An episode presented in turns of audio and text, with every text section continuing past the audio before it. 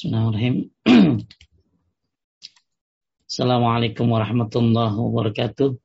Waalaikumsalam warahmatullahi wabarakatuh. Alhamdulillah nahmaduhu wa nasta'inuhu wa nastaghfiruhu wa na'udzu billahi min shururi anfusina wa min sayyiati a'malina. May yahdihillahu fala mudilla lahu wa may yudlil fala hadiya lahu. Asyhadu an la ilaha illallah wahdahu la syarika lahu wa asyhadu anna Muhammadan abduhu wa rasuluh.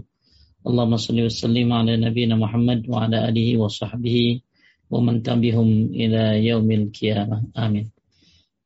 Bapak Ibu sekalian menaikkan Allah, Alhamdulillah lewat rumah dakwah paduka kita dipertemukan.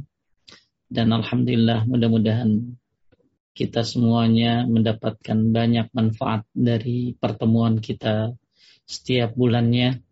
Apalagi kita membahas satu hal yang sangat penting dalam kehidupan kita, yaitu Tauhid. Ini adalah kunci surga ini adalah syarat seseorang masuk ke dalam surga. Ini adalah sebab seseorang mendapatkan dan memberikan syafaat. Dan semoga kita termasuk orang-orang yang kokoh tauhidnya. Dan insya Allah sampai akhir hayat kita terus menegakkan tauhid insya Allah. Bapak Ibu sekalian menaikkan Allah, saya akan share screen pembahasan kita sampai di akhir pembahasan tentang syafaat, yaitu hadis yang terakhir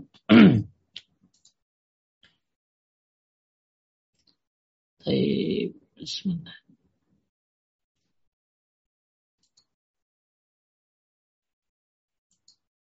طيب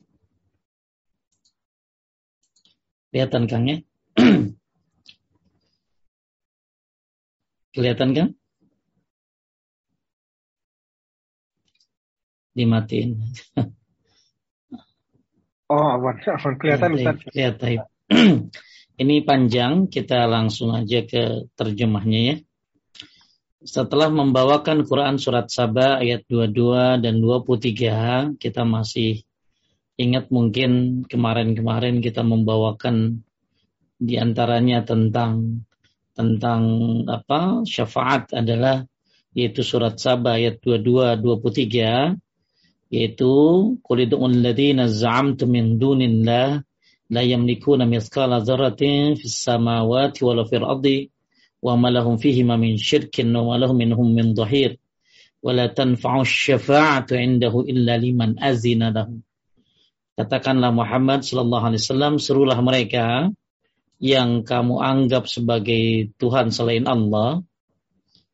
Mereka tidak memiliki kekuasaan seberat zarrah pun di langit dan di bumi dan mereka tidak mempunyai satu peran pun dalam menciptakan langit dan bumi dan tidak ada di antara mereka yang menjadi pembantu baginya dan syafaat pertolongan di sisinya hanya berguna bagi yang telah diizinkan untuk memperoleh syafaat. Kita sudah bahas tentang masalah ini.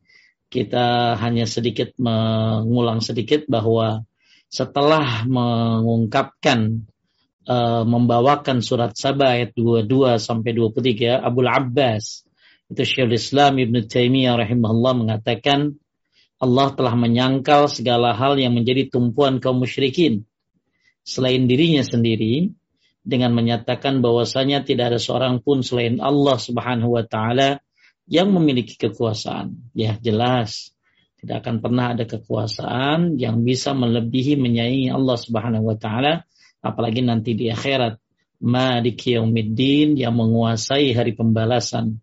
Bah kekuasaan Allah sudah kita lihat di dunia apalagi nanti di akhirat ya. Atau sebagian darinya atau menjadi pembantu Allah ya. Mereka nggak punya kekuasaan ya nggak punya bagian nggak jadi pembantu Allah Adapun mengenai syafaat maka telah ditegaskan oleh Allah bahwa syafaat ini tidaklah berguna melainkan bagi orang yang telah diizinkan oleh Allah untuk memperolehnya sebagaimana firman-Nya dan mereka tidak memberi syafaat melainkan kepada orang yang diridhoi Allah illa liman irtada.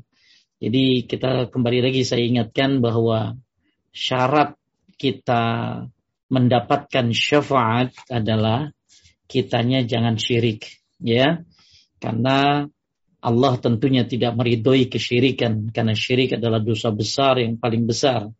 Maka orang yang syirik tidak akan bisa mendapatkan syafaat sebagaimana sabda Rasulullah sallallahu alaihi wasallam uh, as'adun nas syafaati man qala la ilaha illallah khalisan min qalbihi aw nafsihi. Orang yang berbahagia mendapatkan syafaatku adalah orang yang mengatakan la ilaha illallah ikhlas dari dirinya atau jiwanya. Jadi ini uh, Anda pengen dapat syafaat, maka hendaklah Anda bertauhid kepada Allah Subhanahu wa taala. Dan mereka tidak memberi syafaat melainkan orang yang diridhai oleh Allah. Jadi yang dikasih syafaat harus diizinkan yang dan tidak syirik dan orang yang memberi syafaat pun harus diridhoi oleh Allah Subhanahu wa taala. Lanjutkan. Syafaat uh, syafaat yang diduga oleh kaum musyrikin inilah yang tidak ada pada hari kiamat. Ini sebagaimana dinyatakan demikian oleh Al-Quran dan diberitakan oleh Nabi Shallallahu Alaihi Wasallam bahwasanya beliau pada hari kiamat akan datang bersujud kepada Allah Subhanahu Wa Taala dan mengaturkan segala pujian kepadanya. Dan beliau Shallallahu Alaihi Wasallam tidak langsung dengan memberi syafaat lebih dahulu. Setelah itu barulah dikatakan kepada beliau Shallallahu Alaihi Wasallam, Angkatlah kepalamu, katakanlah niscaya akan didengar yang engkau katakan itu. Mintalah niscaya akan diberikan apa yang kau minta. Dan berilah syafaat, niscaya akan diterima syafaat yang kau berikan itu. Jadi Nabi untuk memberikan syafaat kepada umatnya itu nggak langsung dapat Kang. Nabi harus bersujud dulu di hadapan Allah Subhanahu wa taala kemudian memuji Allah, menyanjung Allah, ya. Kemudian di sini disebutkan ya bahwa setelah Nabi Shallallahu Alaihi Wasallam menghaturkan pujian kepadanya, jadi Nabi tidak langsung dengan memberi syafaat tapi dulu setelah Nabi sujud, setelah Nabi menyanjung Allah, baru kemudian dikatakan kepada Nabi angkatlah kepala, baru diizinkan untuk memberikan syafaat. Abu Hurairah radhiyallahu anhu pernah bertanya kepada beliau sallallahu alaihi wasallam, siapa orang yang paling beruntung dengan syafaat engkau pada hari kiamat? Perhatikan wahai para bapak, para ibu yang suka baca solawat, semua berharap dapat syafaat. Tapi ternyata dia menyekutukan Allah. Banyak ya Kang orang rajin baca solawat. Bahkan solawatnya bid'ah-bid'ah, kagak jelas. Dengan harapan dapat syafaat. Ya, banyak cara mendapatkan syafaat yang sudah saya katakan ya dengan membaca Al-Quran, dengan puasa, dengan disolatkan oleh 40 orang uh, jenazahnya, tinggal di Madinah dan lain sebagainya. Ya banyak cara mendapatkan syafaat Nabi Shallallahu Alaihi Wasallam. Akan tetapi yang berbahagia mendapatkan syafaatnya adalah orang yang mengatakan la ilaha illallah ikhlas dari dari ikhlas dari dalam hatinya.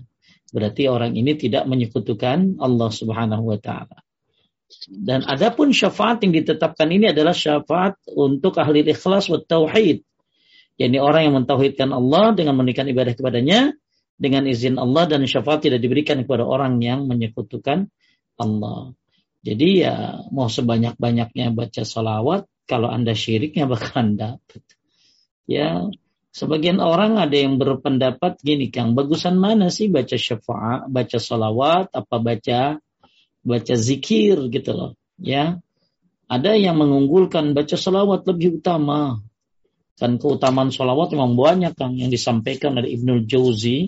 Ada 10 keutamaan membaca salawat.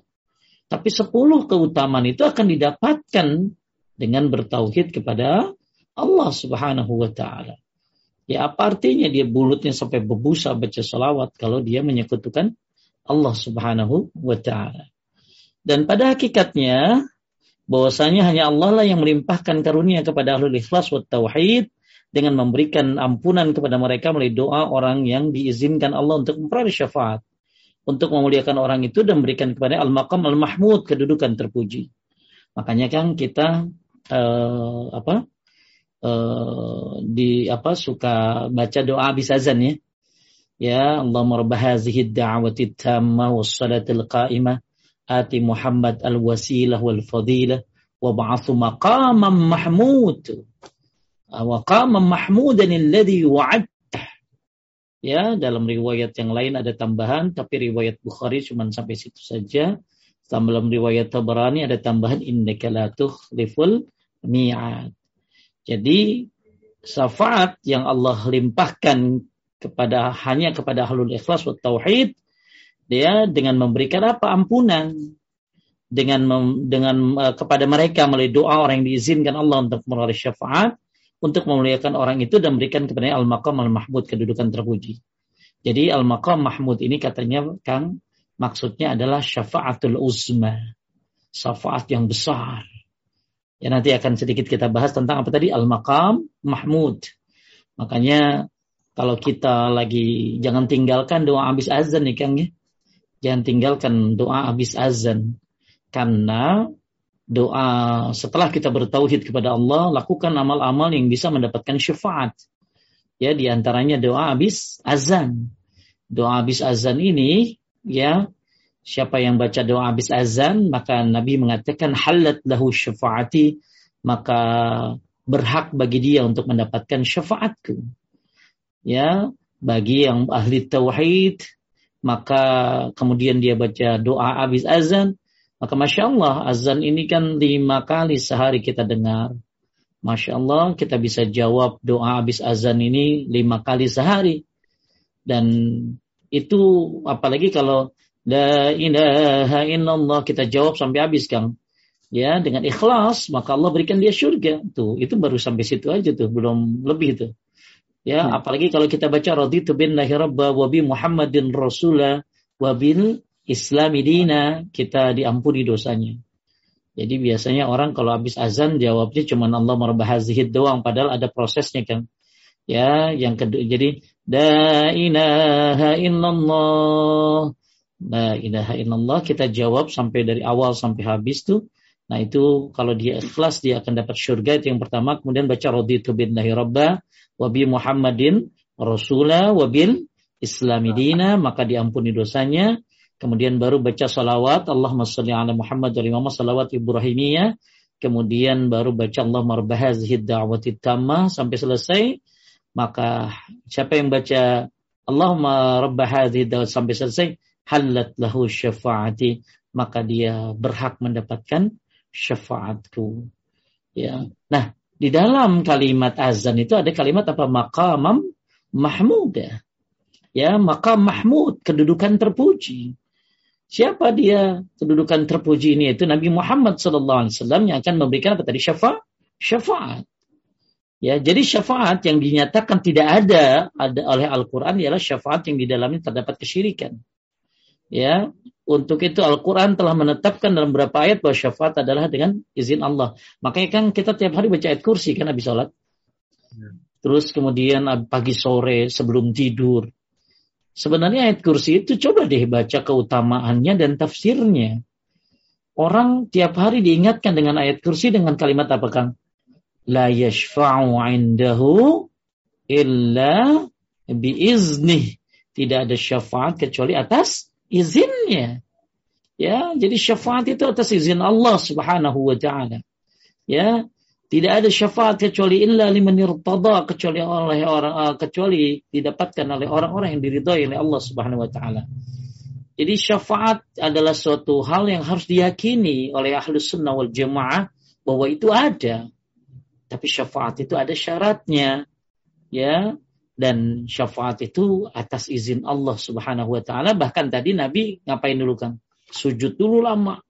Memuji Allah baru kemudian setelah lama baru disuruh untuk memberikan syafaat. Dan Nabi SAW telah menjelaskan bahwa syafaat itu hanyalah untuk orang yang mentauhidkan Allah dan orang-orang yang ikhlas.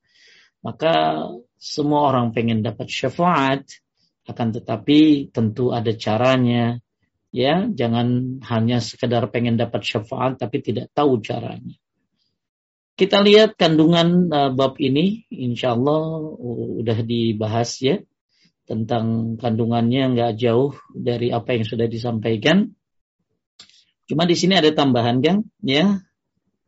Nomor empat boleh kang dan disebutkan? Uh, disebutkannya di dalam bab ini mengenai syafaat kubro yaitu al-makam al-mahmud Ya, hmm. jadi syafaat kubro ini adalah syafaat yang yang besar, ya, syafaat yang disebut dengan tadi makamam mahmud ya. Ya. Taib uh, sedikit ada tambahan buat bahasan ini tentang masalah tadi kan kita bicara syafaat dan uzma kan, syafaat yang besar. Dan ternyata ada juga syafaat yang terbesar itu kan. Tadi syafaat hmm. apa tadi? Uzma. Ya, hmm. syafaat yang besar. Nah, sekarang ada syafaatul uzma, ada syafaat yang terbesar. Apa itu? Nah ini kalau tadi kita bicarakan syafaat itu bisa dari ini kita lihat lanjutkan. Kemudian uh, kemudian di antara syafaat yang terjadi pada hari kiamat adalah syafaat dalam bentuk menyelamatkan orang yang sudah di neraka untuk masuk surga. Para nabi, para malaikat, kaum mukminin, mereka semua bisa memberikan syafaat, termasuk Allah Ta'ala juga akan memberikan syafaat dengan mengeluarkan banyak sekali penduduk neraka. Jadi gini, um, Nabi Shallallahu Alaihi Wasallam ngasih syafaat untuk siapakah? Orang yang bertauhid, orang yang tidak syirik dan diizinkan oleh Allah, diridhoi oleh Allah. Kitanya yang ngasih syafaat. Malaikat ngasih syafaat. Ya, kemudian siapa lagi? Kaum mukminin, orang-orang soleh, kawan-kawan ya Kang ya. Kawan-kawan yang maka kita disuruh berkawan dengan orang-orang yang soleh karena mereka bisa memberikan syafaat. Nah setelah mereka semua memberikan syafaat, Ya, jadi syafaat ini kan pengurangan bisa pengurangan apa? Pengurangan masa hukuman, ya keringanan, ya yang didapatkan oleh orang-orang yang syaf, dapat syafaat ini. Nah, setelah para nabi, para malaikat, orang-orang kawan-kawan soleh memberikan syafaat kan, yang di neraka masih ada kan? Hmm. Ya, yang di neraka masih ada. Mereka mungkin orang-orang yang orang-orang Islam yang banyak dosanya, ya dan banyak uh, selama dia tidak melakukan kekafiran maka terakhir di sini disebutkan ya dalam hadis Abu Sa'id Al-Khudri radhiyallahu anhu Nabi sallallahu alaihi wasallam bercerita lanjutkan para nabi, para malaikat dan orang-orang yang beriman semua telah memberi syafaat.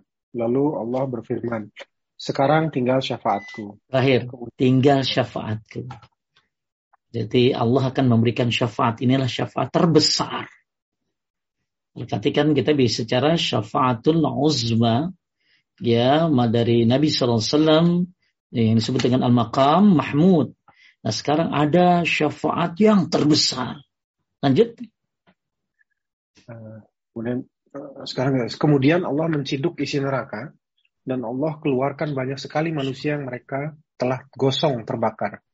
Lalu mereka diletakkan di sungai di pintu surga yang disebut Sungai Al-Hayat hingga tubuh mereka tubuh, tumbuh di tepian sungai sebagaimana biji tumbuh di tumpukan tanah yang dibawa arus. Masya Allah. Ya, inilah pentingnya menjaga keimanan kan. Ya memang ada orang kan uh, yang nggak apa-apa di neraka dulu, nanti juga masuk surga. Lu kira neraka apinya kayak apa? Hmm. Ya, api neraka, masya Allah ya ada 70 ya. Makanya api yang ada di dunia ini cuma cuma satu dari antara 70 gitu. Dan nanti ada orang-orang yang masuk ke dalam neraka dan intinya kita semua berdoa kepada Allah, Allahumma inna nas'alukal jannah wa na'udzubika minan nar supaya nanti surga mengatakan jauhkan masukkan dia ke dalam surga jauhkan dia neraka akan mengatakan jauhkan dia dariku. Nah nanti setelah syafaat-syafaat itu apa disampaikan Nabi, malaikat, orang-orang kawan-kawan yang soleh ya bisa memberikan syafaat dengan pengurangan hukuman dan lain sebagainya ya. Ya maka terakhir Allah lah yang memberikan apa tadi syafaat. Nah ini uh, syafaat yang terbesar dan bagaimana caranya Allah akan mengeluarkan manusia-manusia dari dalam neraka. Ya, kemudian diletakkan di sungai ya dan mereka dalam keadaan gosong, dalam keadaan terbakar.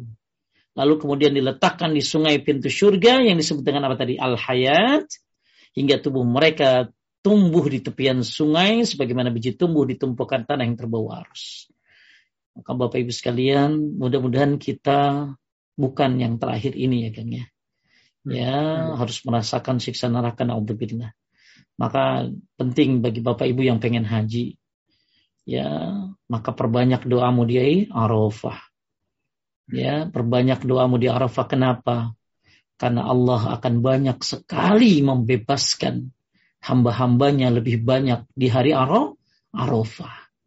Dan mudah-mudahan Andalah orang yang berangkat haji tahun ini. Amin. Ya, maka Bapak Ibu sekalian akan Allah, persiapkan doa-doa terbanyakmu. Doa-doa terbaikmu nanti buat yang haji dan yang akan akan berangkat haji tahun ini ya. Yang mungkin visanya masih belum keluar, ya berdoalah kepada Allah.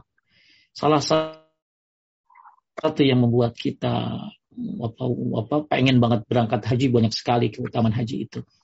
Salah satunya Kang yang saya dan mendambakan berangkat haji dan berharap setiap tahun ya jadi pembimbing adalah karena salah satunya ini kan ya di hari Arafah ini Allah membebaskan banyak sekali orang dari api neraka ya dan mudah-mudahan kitalah orang yang dibebaskan itu bukan hanya kita keluarga kita dan mudah-mudahan juga ya teman-teman kita nah Uh, kenapa? Ya walaupun ini akhirnya endingnya enak ya Kang ya, masuk surga kan ya. Hmm. Ya endingnya kan orang yang masuk neraka ini kan masuk surga juga kan. Ya, tapi hmm. ini bukan buat orang kafir. Ini buat orang yang tetap menjaga keimanannya. Maka pertahankan keimananmu sebaik-baiknya. Tapi ternyata kau harus masuk neraka, ya orang beriman endingnya akan masuk surga. Setelah apa? Setelah dosa-dosanya dicu, dicuci, kemudian bisa jadi ya kalau manusia aja ada remisi, Kang, betul? Betul. Ya, ya Allah tentunya kasih sayangnya lebih daripada itu. Maka nanti Allah akan memberikan syafaat buat orang-orang dan ini syafaat yang terbesar buat orang-orang mukmin yang berada di neraka karena dosa-dosanya. Ya, dan saya berharap kita bukan yang ending terakhir ini. Saya berharap kita semuanya adalah orang yang bisa masuk surga tanpa hisap tanpa azab insya Allah ya atau kalau nggak bisa tanpa hisap tanpa azab ya dihisapnya dengan hisap mudah lah hisab yasira ya dan mudah-mudahan kita yang penting nggak masuk neraka dulu naudzubillah tapi bagi yang masuk neraka masih alhamdulillah kan karena kalau dia beriman nanti akan dapat syafaat terbesar. Tapi di akhir ya ini. Di akhir ini. Kemudian dari Jabir, lanjutkan. Uh, dari Jabir bin Abdullah radhiyallahu anhu, Nabi Shallallahu alaihi wasallam bersabda yang artinya bahwa Allah mengeluarkan sekelompok kaum dari neraka dengan syafaat. Annallaha yukhriju kauman minan nari bisyafa'ah. Bahwa Allah mengeluarkan sekelompok kaum dari neraka dengan syafaat. Dari Anas bin Malik radhiyallahu anhu Nabi sallallahu alaihi wasallam bersabda, "Yahruju qaumun minan nari ba'da ma massahum minha syaf'un, fayadkhuluna al-jannah fayusammihim ahlul jannah al-jahannami al-jahannamiyyin." Nah, perhatikan kan. Ya, akan keluar lanjut ya. Akan keluar sekelompok manusia dari neraka setelah mereka dibakar dengan panasnya neraka. Lalu mereka masuk surga. Penduduk surga menyebutnya mereka dengan jahanamiyun. Jadi mantan ini orang ya apa tuh mantan penghuni jahanam. Nauzubillah ya. Kita uh, kalau mantan mantan apa kalau mantan preman masih mending deh ah. Tapi ya. kalau mantan masuk neraka nauzubillah. Namanya apa tadi kan? Jahannamiyun. Jahannamiyun. Nah, ini mungkin baru dengar ya Kang ya. Ya, jahannamiyun ya. Jadi Bapak Ibu sekalian menaikkan Allah, sejelek-jeleknya orang beriman, dia akan masuk ke dalam syur, syurga. Setelah dosanya dihapus atau setelah dia mendapatkan apa tadi pengurangan-pengurangan dosa, pengurangan-pengurangan siksa dengan syafa syafaat. Ya, dan mereka disebut oleh penduduk surga dengan sebutan apa? Mereka disebut payusamihim ahlul jannah jahannamiyun. Maka ahli-ahli surga mengatakan mereka adalah mantan penghuni jahanam. Ya. Jadi orang mukmin itu uh, apa akhirnya tetap baik. Ya, akhirnya tetap baik, tapi tetap kita nggak mau begini. Tapi sejelek-jeleknya ya begini orang mukmin yang mungkin mukmin tapi masih banyak zinahnya, masih banyak dosa-dosanya, selama dia tidak uh, syirik ke akbar ya, tidak tidak kafir, maka dia masih mendapatkan syafaat. Mudah-mudahan dengan pembelajaran ini kita jadi nggak kayak gini gitu loh. Alhamdulillah kita dapat gelar jahannamiyun. Ketika para makhluk baik orang mukmin, para nabi maupun malaikat memberi syafaat, jumlah manusia yang berhasil dikeluarkan dari neraka sifatnya terbatas. Hmm. Ya, karena tadi kan syaratnya kan, ya kan? Hmm. Syaratnya nggak syirik, yang yang ngasih syafaat harus diridhoi, gitu ya. Ya, hmm. nah jadi jumlahnya terbatas yang dapat apa tadi syafaat? Syafaat dari nabi, dari malaikat, dari orang-orang soleh, sehingga masih tersisa orang mukmin di neraka. Saya tanya deh Kang, hmm. orang Islam ini banyakkan yang soleh apa yang nggak soleh? kan nah. kalau dibilang kan yang coba nggak sejauh-jauh deh, yang ke masjid main ke masjid, nggak ke masjid gimana gitu loh. kan ya kan orang Islam ini banyak kan. Sekarang aja ada 1,6 miliar katanya. Nah kalau ya. di jumlah-jumlah total-total orang Islam umat Nabi Muhammad saja ya itu kayak apa dari 14 abad yang lalu. Ya. Nah, nanti kan ada syafaat tuh. Nah, kira-kira jumlahnya berapa triliun tuh ya? Nah, syafaat hmm. dapat tuh. Tapi ya terbatas gitu loh. Hmm. Ya. Karena memang ya kita kita saya coba perbandingannya begini aja. Coba orang Islam yang soleh, enggak soleh gimana gitu. Orang Islam yang ngikutin sunnah, enggak ngikutin sunnah, banyakkan mana. Gitu. Oke, terlalu berat dah. Udah lihat aja sholat jamaah dah. Ya, makanya tentunya yang dapat syafaat ini kan terbatas Kang. Yang di, diberikan oleh siapa tadi? Nabi, Nabi. ya diberikan oleh orang-orang soleh kemudian para malaikat. Ya bahkan dari tambah bahkan Al-Qur'an pun ya atas izin apa apa apa yang suka baca Quran nanti dapat syafaat yang suka puasa dapat syafaat. Ya itu ini, ini kan terbatas gitu. Hmm, berarti masih banyak lagi orang yang ada di neraka gitu loh. Karena hmm. jumlah manusia memang banyak ya, hmm. tapi bicaranya orang mukmin ya Kang ya. Ya, hmm. kalau bukan seluruh dunia enggak, orang mukmin saja. Nah, makanya sehingga ada syafaat terbesar buat orang mukmin yang ada di neraka tadi, sisa-sisanya. Ya, entah sisa berapa. Hingga Allah sendiri yang memberi syafaat kepada mereka Allah selamatkan mereka dari neraka.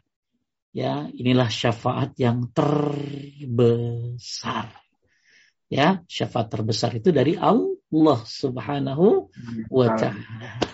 Maka ya jangan lupa baca Allahumma inna nas'alukal jannah wa na'udzubika minan nar ya setiap sholat sebelum salam baca itu antar azan dan komat dan tadi pesan saya lakukan amal-amal yang menghindarkan dirimu dari api neraka. Banyak ya Kang ya, amal-amal yang menghindarkan kita dari api neraka itu. Di antaranya tentunya yang pertama adalah tauhid. Ya, kemudian sholat, jaga sholat, berbakti kepada orang tua. Banyaklah amal-amal sedekah, ya doa, banyak banget.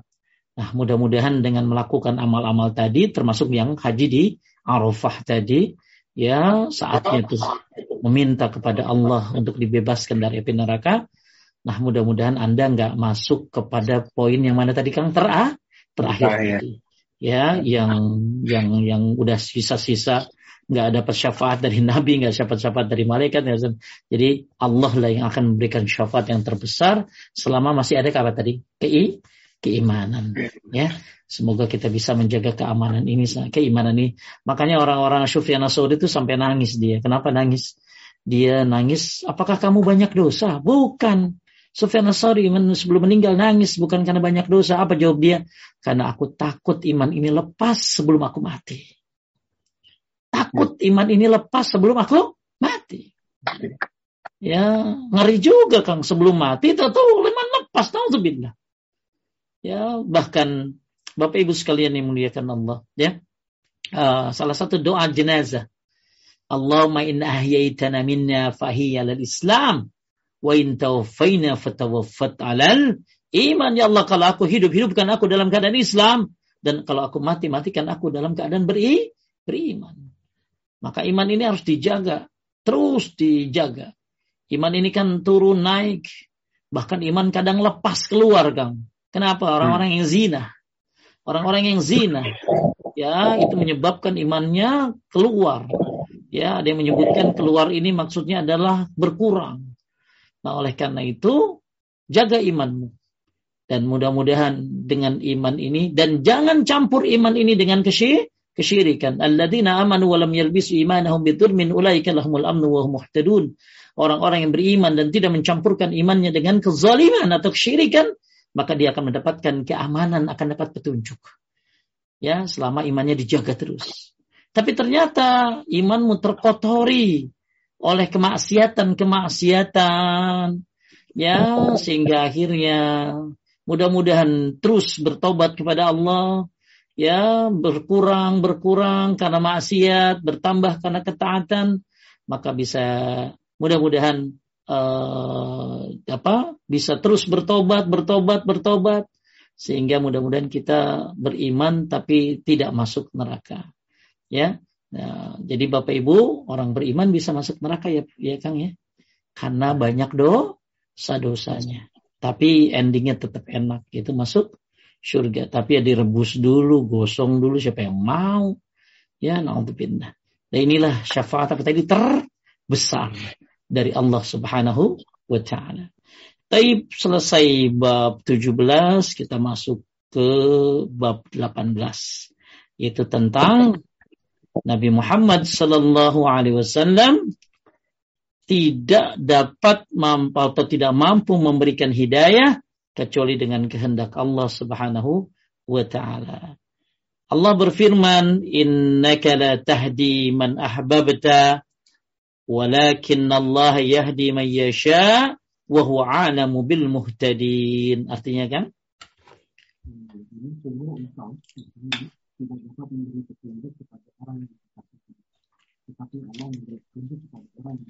Ini mic-nya rusak tuh kan.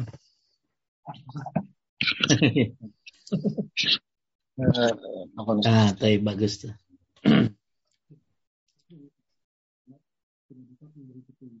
Ah, nggak kedengeran lagi kan. Tapi saya baca dulu deh.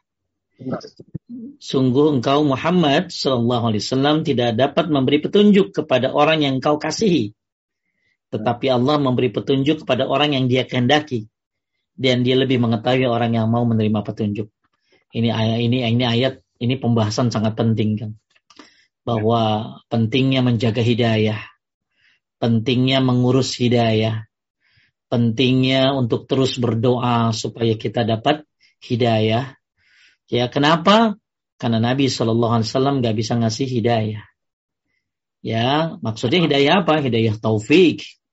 Tapi kalau hidayah irsyad, ya semua bisa ya. Hidayah irsyad ini adalah bimbingan, pelajaran. Tapi kalau hidayah taufik itu milik Allah Subhanahu Wa Taala. Bahkan Nabi Shallallahu Alaihi Wasallam nggak bisa memberikan hidayah kepada orang yang dia kehendaki, walaupun hmm. itu orang yang dia cintai. Nabi nggak bisa ngasih hidayah kepada pamannya sendiri betul? betul? Ya gimana orang lain? Siapa? Ya gimana para wali, para habib, para orang-orang nggak bisa, nggak bisa. Yang bisa hanya Allah Subhanahu wa Ta'ala. Makanya terus uh, kita akan coba bahas ini setelah bahas syafa syafaat.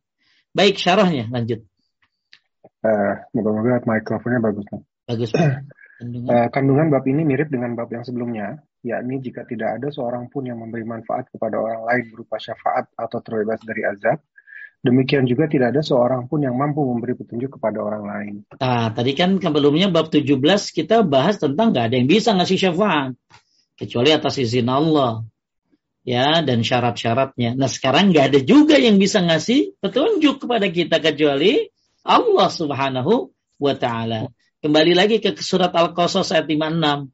Nabi Shallallahu Alaihi Wasallam tidak bisa memberi petunjuk kepada siapa, man ahbabta kepada orang yang dikasihi oleh beliau. Jadi Kang, kalau hidayah bisa dikasih-kasih, bebas kita ngasih kan, betul nggak?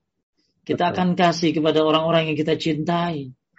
Ya, tapi ternyata hidayah bukan milik kita, milik Allah. Dan bahkan di sinilah ya Allah wa huwa a'lamu bil muhtadin, dia lebih mengetahui orang yang mau menerima petunjuk. Taib kita lihat lanjut Nabi Muhammad. Nabi Muhammad Shallallahu Alaihi Wasallam merupakan manusia yang paling utama dan paling tinggi kedudukannya di sisi Allah saja. Di sisi Allah saja tidak mampu memberi petunjuk atau hidayah taufik kepada orang yang dicintainya. Jadi gini Kang, hidayah itu ada hidayah yang namanya hidayah taufik. Ya, ini mutlak milik Allah Subhanahu wa taala. Ada lagi hidayah irsyad atau hidayah bayan. Ini hidayah yang bersifat apa? pemberitahuan, uh, hidayah bimbingan ya Kang, menuntut ilmu. Ini semua ini sedang mendap apa mencari hidayah apa tadi ir irsyad nih kayak gini nih ya Majlis Ta'lim Paduka sedang memberikan hidayah irsyad ya dengan mengadakan kajian-kajiannya lewat asatiz-asatiznya. Ini hidayah apa tadi namanya? Irsyad. Kemudian ada hidayah sabat, Kang. Hidayah sabat. Ini hidayah untuk supaya bisa menjadi manusia yang istiqamah, Kang. Hmm. Ya, kan ya manusia yang dapat hidayah taufik banyak, tapi hmm. belum tentu istiqamah istiqamah. Ya. Ya, bahkan ada orang dapat hidayah dari kecil, Kang, kagak diurus, kagak menuntut ilmu. Ya, kagak datang ke kajian. Ya, dia kalau ditanya ya Islam gitu loh. Tapi ya Islamnya nggak diurus gitu. Makanya eh, kata Syekh bin Bas, kalau ada orang yang yang yang bilang kamu semoga engkau dapat hidayah, itu harus senang, Kang. Hmm kalau saya bilang sama Kang ya, Kang Rosid mudah-mudahan dapat hidayah ya. Itu orang suka marah. lu kira gue mau alap apa? Ya, lu kira gue mau alap gitu loh. Ya, padahal memang kita butuh hidayah setiap hari kan. Kita baca ihdinas siratan mustaqim tunjuki kami jalan yang lurus. Jadi kalau ada orang bilang yahdik, semoga Allah berikan hidayah, hadakallah, semoga Allah. Kita kan seringnya kan barokallah kan ya. Barokallah, hmm. kita seringnya itu jazakallah. Ah, sekali-kali hadakallah. Semoga Allah berikan kamu apa tadi? Hidayah? Hidayah. Hmm. Semoga Allah berikan kamu hidayah. Cuman orang yang ngaji yang bakalan legowo kan. Hmm. Kalau yang kagak ngaji tadi. Coba, ah, sorry, sorry, apa maksud lu? Persinggung. Mudah-mudahan lu dapat hidayah. Maksudnya kenapa nih maksud ini? padahal bagus kita didoain supaya dapat hidayah. Ya, jadi Bapak Ibu sekalian muliakan Allah, eh, kalau ada orang mendoakan kita yahdik ya atau hadakallah, semoga Allah berikan kamu hidayah. Wih, masya Allah. Ya, Bang Andre, mudah-mudahan dapat hidayah. Senang mas kasih saat gitu ya. Ya apalagi ya Abu Wildan, mudah-mudahan dapat hidayah. Jazakallah dah gitu. Nah itu senang. Kenapa? Karena memang kita butuh hidayah. Apalagi hidayah yang keberapa tadi kan? Ketiga. Yaitu apa? Hidayah sabat. Hidayah untuk istiqamah. istiqamah. Yang terakhir ada hidayah namanya hidayah husnul khatimah. Ya, kita dapat petunjuk sampai akhir hayat. Ada nggak Kang yang hidayahnya lepas? Ada? Ada kan? Iya, Ada. hidayahnya copot kan? Hidayahnya iya. copot, ya, hidayahnya lepas. Alhamdulillah. Ya, makanya ada kata-kata Ibnu Qayyim indah Kang. Agban nas man dalla fi akhiri safarihi wa qad qarabal manzil. Manusia yang bodoh adalah manusia yang tersesat di akhir perjalanan sedangkan rumahnya sudah tampak dari kejauhan. Dia hmm. tersesat di akhir perjalanan. Naudzubillah. Ya, harusnya dia di akhir hayatnya benar, istiqamah, husnul khatimah. Ternyata tergoda, kena syubhat. Ya, karena dengerin ini yang gak jelas, dengerin itu yang gak jelas. Baca yang gak jelas. Sehingga akhirnya muncul syubhat yang akhirnya membuat dia jadi ragu, remang-remang, ya sehingga akhirnya dia tidak uh, lepas dari hidayah. Makanya Syekh bin Bas pernah ditanya, apakah ada or kenapa sebab orang bisa lepas dari hidayah? Padahal dia udah dapat kan, kan? Kenapa bisa lepas? Sebabnya dua, Kang. Satu sebab dia lepas dari hidayah adalah satu karena dia tidak mengurus hidayahnya, tidak bersyukur terhadap hidayahnya. Jadi orang kalau udah Islam harusnya dia bersyukur dengan Islamnya. Gimana caranya? Dia perdalam Islamnya. Ya, dia kembangkan Islamnya. Ya, dia cari sedalam-dalamnya tentang agama ini. Dia ngerti tentang Islam. Maka kalau kita udah udah dapat hidayah, ya bersyukur. Caranya gimana? Caranya beruntut ilmu. Itu yang pertama. Kenapa ada orang yang sudah dapat hidayah bisa lepas? Satu, karena hidayahnya dia tidak disyukuri hidayahnya. Yang kedua, dia tidak pernah meminta Kang supaya hidayahnya ini sabat. Supaya hidayahnya ini kokoh.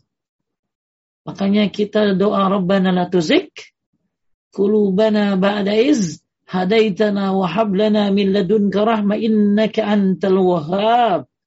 Allahumma hdini wa saddidni. Allahumma inna inni la as'aluka al-huda was sadat. Minta kepada Allah supaya kokoh hidayah ini. Taib. Jadi Bapak Ibu sekalian dimuliakan Allah, ada hidayah apa tadi? Irsyad, ada hidayah taufik, ada hidayah sabat, ada hidayah mencapai husnul khatimah. Jadi setelah timah ini dia tetap dalam keadaan Islam, ya. Nah, uh, lanjut hidayah seluruhnya. Eh, ya. Hidayah seluruhnya ada di tangan Allah. Udah tadi ya. Hmm. Uh, ialah hidayah seluruhnya ada di tangan Allah Allah Taala. Uh, Allah yang Maha Esa dalam menunjuki hati manusia sebagaimana, sebagaimana Allah Maha Esa dalam menciptakan makhluk. Maka dengan demikian jelaslah bahwa Allah uh, Subhanahu wa taala adalah ilah yang berhak untuk disembah. Adapun adapun petunjuk yang dinafikan dalam ayat di atas adalah hidayah taufik yang berupa petunjuk bagi hamba untuk memberi, menerima kebenaran. Karena perkara ini diserahkan kepada Allah SWT semata dan hanya dialah yang bisa memberikan taufik kepada seseorang untuk menerima dan mengamalkan kebenaran. Jadi maksudnya gini Kang, irsyad itu ya kita bisa gitu. Contoh nih Kang, berapa hari yang berapa minggu lah, berapa bulan, belum sebulan kayaknya. Ada hmm. orang datang ke saya, dia udah nanya sama ustadz-ustadz lain kan dia mau masuk is jadi ceritanya tuh ada seorang perempuan uh, hmm. punya pacar ke orang non muslim pacarnya ini kalau lu mau nikahin gua masuk Islam gitu loh dan hmm. dia ini orang orang non muslim yang taat juga kan gitu loh Oh. Ya, dia lagi bucin ceritanya, bucin gitu loh ya. Dia akhirnya nyari-nyari gimana caranya eh, apa belajar Islam. Ya akhirnya didatangin ustadz, ustadzah. Akhirnya terakhir ya masih belum puas. Direkomendasikan datanglah. Tuh datang dah Ustadz Agus no. Ya, dia neranginnya ada gaul dikit kali, cocok buat lu. Datanglah ke saya. Ya saya sih Begitu saya datang ya saya terangkan tentang Islam perbandingannya. Ya saya berharap ya Kang ya. Berharap dia hmm. masuk Islam ya. Ya akhirnya tapi dia emang non muslim yang taat gitu nih ya. Ya, hmm. ya sudah saya kasih udah taat, udah sekali pertemuan. Dua kali pertemuan ini final katanya udah yang terakhir nih. Ya, kalau kata ceweknya tapi bagus juga ceweknya Kang. Kalau lu kagak masuk Islam, gua kagak mau udah. Ya, hmm. udah ya udah sampai sini aja gitu loh. Ya hmm. akhirnya saya terangkanlah detail-detailnya gitu loh. Ya dan lain-lainnya. Ya saya cuma irsyad doang tadi loh. Irsyad ini bayan, menerangkan doang. Kita mah ya kita berharap ya boleh kepada Allah. Kita doain tuh orang supaya dapat hidayah. Ya katanya ya, ya setelah terakhir perjumpaan ya, ya saya sudah jelaskan dan dia sudah cuman dia beratnya apa Kang? Kalau gue masuk Islam ya. Gue sholat lima memang dia dia jadi dia bilang gini pilihan orang masuk Islam itu cuma satu lu harus benar-benar taat gitu aja. Dia bisa ninggalin sholat gitu. Terus dia bilang gini gue minum obat aja sehari tiga kali suka lewat gimana sholat? gitu. Jadi dia berat kalau dia harus sholat sehari lima kali gitu loh. Karena biasanya kan cuma sekali gitu loh ya aduh gimana uh, terus dia kan punya teman orang-orang Islam yang kagak taat hmm. Jadi dia tuh ngelihat orang-orang Islam yang kagak sholat, yang main golop bareng dia, malah e, ngeledek-ngeledekin orang yang sholat. Ngapain lu sholat? Ngapain lu sholat gitu loh. Sama orang yang sholat gitu loh. Nah, ini lingkungan nih Kang. Jadi ya, dia tuh orang non muslim tapi banyak teman-temannya orang muslim. Ya, tapi dia lihat teman-temannya ini yang banyak kagak sholatnya, termasuk si calonnya ini kagak sholat juga jarang gitu loh. Kamu subuh aja jam 7, gimana lu mau gua masuk Islam lu mau bimbing gitu loh gitu loh ya. iya, ya gimana lu mau bimbing gua? Lu orang lu sholat subuh aja jam 7 gitu loh. Ya, akhirnya ya saya sih cuma dalam hati emang ragu. Ini orang berat sholat lima waktu gitu loh.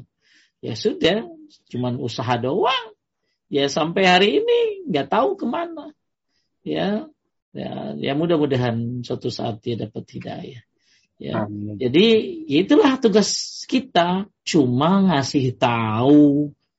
Ya nggak bisa kita memaksa orang kan. Ya nggak bisa kita akhirnya apa uh, ngancem-ngancem nggak bisa. Cuman itulah namanya hidayah apa tadi ir irsyad. Nah kalau taufik ya itu taufik itu hidayah untuk menerima kebenaran gitu loh. Nah, itu milik Allah Subhanahu wa taala. Ya, mudah-mudahan kita udah sampai level 2 kan? Nah, mudah-mudahan kita sampai level 3 yaitu istiqamah, istiqamah. Mudah-mudahan sampai husnul khatimah insyaallah ya. Sementara makna petunjuk yang ditetapkan oleh Nabi Shallallahu Alaihi Wasallam termaktub dalam firman Allah Taala, wa innaka la tahdi wa innaka la tahdi ila suratim mustaqim. Dan sungguh engkau Muhammad sallallahu alaihi wasallam la tahdi ila suratim mustaqim wa innaka la tahdi ila suratim mustaqim. Engkau Muhammad sallallahu alaihi wasallam benar-benar memberi petunjuk kepada jalan yang lurus ya. Wa innaka la tahdi ila suratim mustaqim. Yang dimaksud dalam ayat ini bukan hidayah taufik, tetapi hidayah yang menjelaskan apa tadi keben, kebenaran. Maka petunjuk yang mampu dilakukan oleh Rasulullah SAW dan juga oleh selain beliau adalah hidayah bayan. Apa itu bayan? Tadi irsyad, petunjuk dalam arti menjelaskan, menyampaikan kebenaran. Maka beliau SAW dan termasuk para pengikut beliau yang paham terhadap kebenaran dapat menjelaskan kepada manusia. A'lam. Ya, inilah tugas para nabi, termasuk tugas para ulama, termasuk petugas para ustadz yaitu menyampaikan kebenaran, menyampaikan Islam yang benar. Nah masalah hidayah maka diserahkan kepada Allah Subhanahu wa taala. Hidayah apa nanti tadi? Taufiknya. Kalau kita cuma irsyadnya. Tapi faedah lanjut nomor satu. Uh, faedah. Nomor satu bantahan terhadap orang yang berkeyakinan bahwasanya wali-wali yang sudah mati dapat memberi manfaat dan itu dianggap karomah. Sebab Nabi Shallallahu Alaihi Wasallam saja yang jelas-jelas jauh lebih baik daripada mereka saja tidak bisa memberi petunjuk kepada orang yang beliau cintai semasa hidup beliau, apalagi mereka. Uh, ya gimana Nabi aja nggak bisa ngasih hidayah taufik, apalagi orang-orang yang levelnya di bawah dia, di bawah Shallallahu Alaihi Wasallam. Ya para kiai, apalagi yang udah mati, hidup aja dia kagak bisa ngasih, apalagi mati gitu. Ya Justru orang mati mah dikasih doa. Ya, nah ini Syekh, berikan aku petunjuk Syekh. Ya, Syekh, tunjuki kami jalan yang benar. Lah, Syekhnya udah meninggal. Maka nggak boleh minta petunjuk uh, kepada kepada orang-orang yang sudah mati. Ya, Nabi SAW saja tidak bisa memberikan petunjuk apa tadi taufik. Ya, Nabi hanya bisa memberikan irsyad saja. Kemudian apalagi kita, ya, apalagi kita. Nomor dua. Yang kedua tidak boleh bergantung kepada selain Allah Subhanahu wa taala baik dalam masalah petunjuk maupun yang lainnya. Taib, ya. Ya petunjuk mintalah kepada Allah Subhanahu wa taala. Petunjuk apa di sini tahu? Taufik. Termasuk petunjuk apa tadi? Istiqomah, istiqomah. Ya, supaya tunjuk supaya apa tadi husnul khotimah. Tapi kalau irsyad ya ustadznya nerangin doang ustadznya. Terus yang ketiga hanyalah Allah Subhanahu wa taala semata yang dapat memberi taufik kepada hambanya. Empat. Uh, Allah Azza wa Jalla memberi taufik kepada siapa saja yang dikehendakinya. Coba Kang Jody yang saya sebut nama karena dia memang ya kita kenal ya. Masya Allah. Hmm. Jody kan, ya super bejo tuh. Ya, Masya Allah. Uh, ya. Bagaimana Allah kasih dia hidayah? Hidayah. Ya, bagaimana si Edwin juga, Masya Allah. Allah kasih dia hidayah. Rajin ke masjid. Jadi muazin tuh Kang dia. Jadi muazin. Ya, jadi rajin ke, oh luar biasa. Uh, apa? Uh, Allah kasih hidayah kepada dia itu. Makanya jangan suka gini Kang ya. Ya, mau boro-boro dapat hidayah, jangan ada yang tahu. Ya, orang-orang yang bejat-bejat ya, jangan suka kita menganggap dia bakalan gak dapat hidayah. Emang hidayah milik lu apa? Hidayah milik Allah Subhanahu wa taala. Allah akan berikan kepada orang yang dikan dikehendakinya. Maka yang udah dapat hidayah dijaga gitu lah, dijaga. Hmm. Apalagi yang udah dia bejat dulu Kang, terus dapat hidayah susah banget gitu. Ini dijaga. Jangan sampai dia balik lagi. Ya, dijaganya gimana tadi? Menuntut ilmu. Dijaganya gimana tadi? Berdoa. Menuntut ilmu, berdoa, menuntut ilmu, berdoa. Udah gitu. Itu jaganya tuh. Ya. Uh, di, jadi inilah uh, jangan sampai lepas lagi hidayah yang sudah Allah kasih kepada kita. Lanjut. Uh, yang kelima penetapan hikmah bagi Allah Azza wa Jalla karena Allah memberi petunjuk atau tidak itu sesuai hikmah Allah dan Allah tidak menzolimi, menzolimi hamba-hambanya. Kan ada orang yang suka nanya gini bang, kenapa dia dapat hidayah ya, terus temannya kagak tuh? Itu terserah Allah lah. Hmm. Ya hikmahnya hanya Allah yang tahu. Yang penting ada orang suka nanya gini kan, kan kasihan dia kagak dapat gitu loh. Lu mikirin diri lu aja dapat hidayah syukur bagus gitu loh. Kalau masalah dia lu doain aja. Ya, jadi dulu saya pernah ada pertanyaan dari ibu-ibu kasihan banget tuh kalau dia nggak dapat hidayah gitu loh. Ya ya udah ibu sekarang. Ibu mikirin hidayah yang Allah kasih buat ibu. Satu ibu harus bersyukur menuntut ilmu gitu loh. Dua ibu doain dia supaya dapat hidayah gitu loh. Dan jangan jangan jangan komplain malu kasihan banget dia. Dia kagak dapat hidayah ya. Itu hikmahnya ya urusan Allah gitu loh. Kenapa dia tidak dapat tidak hidayah? Ya Ya Masya Allah kan. Ya ada suami istri Masya Allah. Ya kalau dibilang mah oh, ngaji kajian sunnah itu luar biasa. Tapi ya ya ternyata saudaranya ya orang tuanya ya masih non muslim. Nah ini ya nah masya Allah ya. Jadi ada orang yang kajian sunnah suami kayak siapa tuh kan? Yang dulu yang suka ngehina siapa tuh? Ya ada tuh. Itu anak-anaknya masya Allah ya soleh-soleh itu ya. Dia sering ngehina Islam. Saya oh, lupa ya. namanya tuh siapa pendeta siapa tuh. Dulu kan dia Islam tuh. Oh iya ya. yang ditangkap polisi ya. Iya siapa tuh namanya? Dia kan pendeta itu. Dia dulu Islam tuh. Kemudian dia murtad kan. Terus uh, dia murtad terus uh, anak-anaknya tuh masya Allah. Kami sayang sama ayah kami sayang sama ayah. Ya ayah kembali ke jalan yang benar ya masya Allah. Jadi anak-anaknya uh, itu apa soleh soleh Islam ya orang tuanya malah keluar dari Islam ya. Naudzubillah. Jadi saya nggak tahu kalau istrinya tapi yang saya tahu bapaknya saya lihat videonya kami sayang ayah. Jadi benar-benar tuh anak-anak anaknya tiga tuh kan. Ya kami sayang ayah ya. Ya, tapi ya tadi ya bahwa bukan hanya dia ya Nabi Ibrahim juga beda kan sama ayahnya ya. Itu. Taib lanjut. Nomor enam.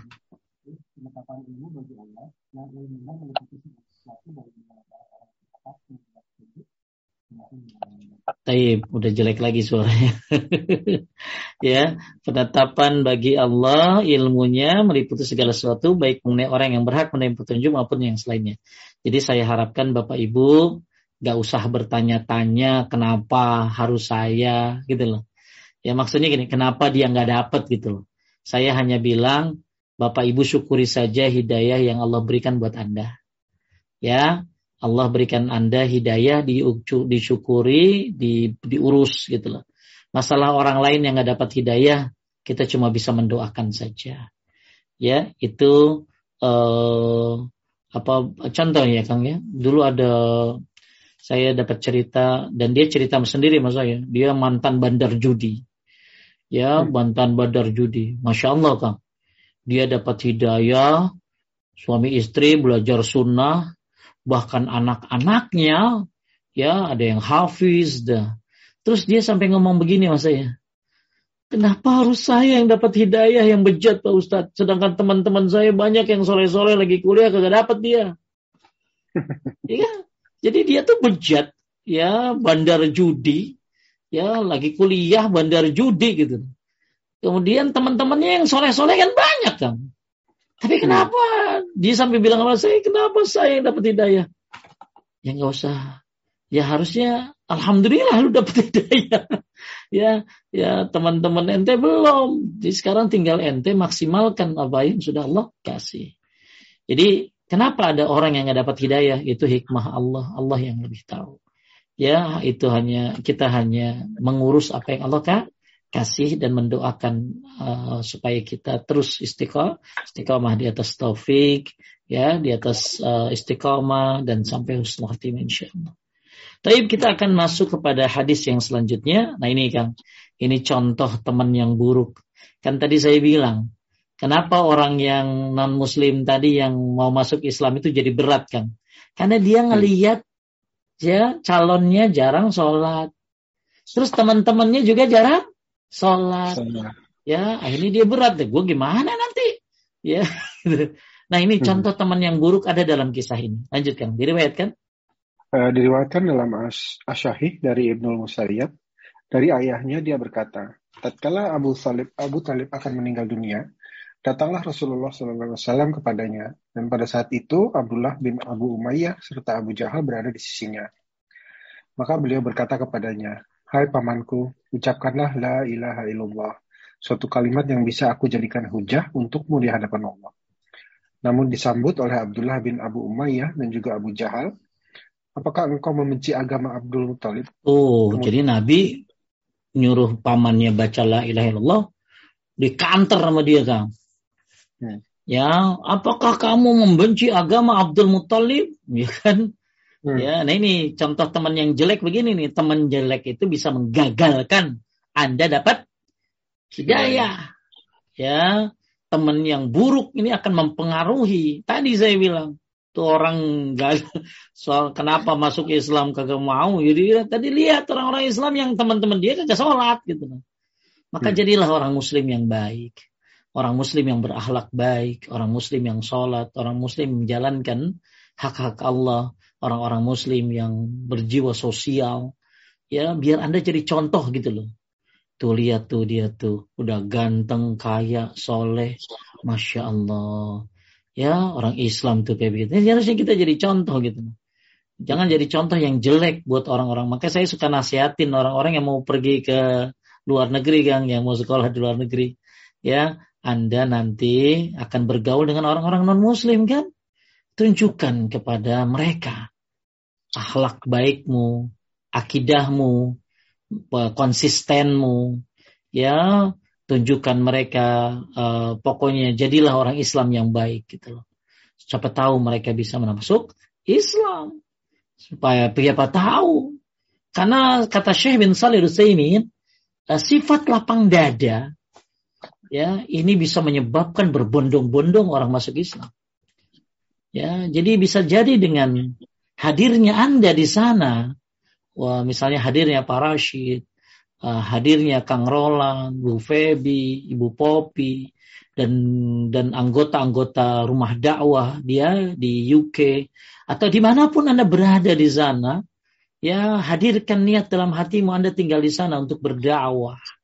Untuk memberikan memberikan apa membuat mereka lihat saya lah orang muslim bukan yang dituduhkan kepada orang muslim teroris dan lain sebagainya munculkan akhlak-akhlak yang baik di sana dia dan mudah-mudahan Allah berikan hidayah mereka lewat Anda ya, Masya Allah kan Gang di UK kayak apa perkembangan Islam Sampai-sampai ada ibu-ibu bilang begini, Ustaz jangan ke UK, kenapa? Soalnya udah banyak orang Islam orang Arab banyak banget. Ustaz ke Jepang aja sono. Ya, Jepang jarang orang Arab gitu. jarang ada yang uh, menurut sono udah banyak orang Islam, orang Arab pada di sono gitu ya. Nah, ini Masya Allah luar biasa ya efek orang Islam datang ke sana tuh bukan hanya sekedar dagang nyari kerja tapi bisa mengislamkan tetangganya bisa memberikan contoh minimal mereka tidak berprasangka buruk kepada orang-orang mus muslim iya. ya nah ini uh, Ibnu Jauzi Ibnu Jauzi itu kan dia telah mengislamkan orang Yahudi dan Nasrani itu hampir uh, saya dua dua uh, dua ribu orang berapa saya lupa. dua ribu orang tuh. Ya bahkan dia telah mau apa sih memberi apa orang Islam yang taubat lewat dia tuh ribu puluhan ribu gitu. Maka bagus kita menjadi seorang Muslim yang menjadi contoh ya jadilah berka jadi jangan sampai cerita yang saya tadi sampaikan itu. Ya bahwa orang non muslim ini e, bergaul dengan orang-orang Islam yang salah. Yang sholat coba dikatain coba. Akhirnya jadi jadi jadi akhirnya deh gimana gue masuk Islam? Orang Islam begini banget gitu. Ini contoh. Nah ini kejadian dengan paman Nabi. Begitu Nabi nyuruh paman yang ngucapin la ilaha illallah eh Abu Jahal sama Abu Umayyah Nah, nimpalin apa engkau benci dengan agamanya? Abdul Muttalib. Lanjut kemudian. Ya. Kemudian Nabi mengulangi sabdanya lagi. Akan tetapi mereka mengulang, mengulang-ulangi kata-katanya itu pula. Maka akhir kata yang diucapkannya ialah bahwasanya dia, Abu Talib, masih tetap pada agama Abdul Muttalib dan enggan mengucapkan la ilaha illallah. Kemudian Rasulullah SAW bersabda, Demi Allah, sungguh aku akan memintakan ampunan untukmu selama aku tidak dilarang. Lalu Allah Ta'ala menurunkan firman-Nya, tidak pantas bagi Nabi dan orang-orang yang beriman memohonkan ampunan kepada Allah bagi orang-orang yang musyrik. Sekalipun orang-orang itu kaum berkerabatnya. Setelah jelas bagi mereka bahwa orang-orang yang musyrik itu penghuni neraka jahanam. Jadi eh, Nabi nggak boleh doain kan? Ya. Makanya buat bapak ibu yang bapak ibunya masih hidup ya dan masih non muslim ya sebarkan dakwah kepada mereka dengan akhlak ada orang masuk Islam, Gang. Terus dia masuk Islam makin jauh dari ibunya. Saya hmm. bilang, kenapa makin jauh dari ibunya? Kon kafir ibu saya, tak? Lah, hak orang tua tidak hilang dengan dengan kafirnya dia, musyriknya dia. Hak orang tua tetap ada dari dirimu. Justru kau harus selamatkan orang tuamu. Ya, akhirnya saya bilang, berbakti kamu kepadanya. Gimana, Tat? Ya, kasih hadiah, perhatian, sakit dijenguk, diurus. Nanti kan ibunya akan bengong, Kang. Lu ngapa begini? Kenapa jadi baik banget sama gua? Kenapa jadi perhatian banget sama gua? Kenapa jadi jadi baik banget lu kata-katanya sama gua biasanya kasar-kasar banget? Jawab saya bilang, gara-gara Islam saya begini gara-gara Islam saya jadi lebih baik. Oh gitu ya. Masya Allah kan saya dapat cerita dari seorang ibu-ibu yang berjuang selama ibunya masih hidup. Di akhir hayatnya dibimbing oleh anaknya yang ngurusin tuh syahadat ibunya. Padahal selama hidupnya ibunya non muslim. Hmm. Anaknya muslim, ngaji, di kajian paduka juga kali. Ya, oh. dia tinggal di Amerika. Ya, dia tinggal di Amerika. Uh, kemudian dia cerita sama saya, Ustaz, Alhamdulillah, ibu saya di akhir hayatnya saya yang bimbing. Itulah pentingnya deketi orang tua. Ya, jadi anaknya ini ngurusin orang tuanya, bimbing orang tuanya, biayain orang tuanya. Oh, pokoknya jadi benar-benar anak yang baik dah. Sehingga orang tuanya kan percaya. Ya. Nah ini ya apa nih? Ini bagaimana uh, apa? Bagaimana penting menjadi orang Islam yang baik. Jadi Bapak Ibu sekalian menekan Allah selama orang tuamu masih hidup yang non muslim tadi kalau memang ada ya terus berbuat baik kepada mereka tunjukkan dirimu lebih baik setelah masuk setelah masuk Islam. Ya banyak cerita-cerita. Ya, tapi ada juga cerita unik kan. Cerita unik gimana? Jadi ceritanya ada orang uh, eh, non muslim ya. Ya, eh, ceritanya ada orang uh, apa? Uh, yang orang tuanya sakit gitu loh. Ya, orang tuanya sakit. Kemudian dia bawa ke rumah sakit tapi sebelumnya dia bawa ke apotik dulu buat beli obat sementara kali kan. Kemudian akhirnya di dalamnya ibunya itu sekarat Kang. Yang nemenin supir taksi. Akhirnya begitu si anaknya datang dari apotik ibunya meninggal kan.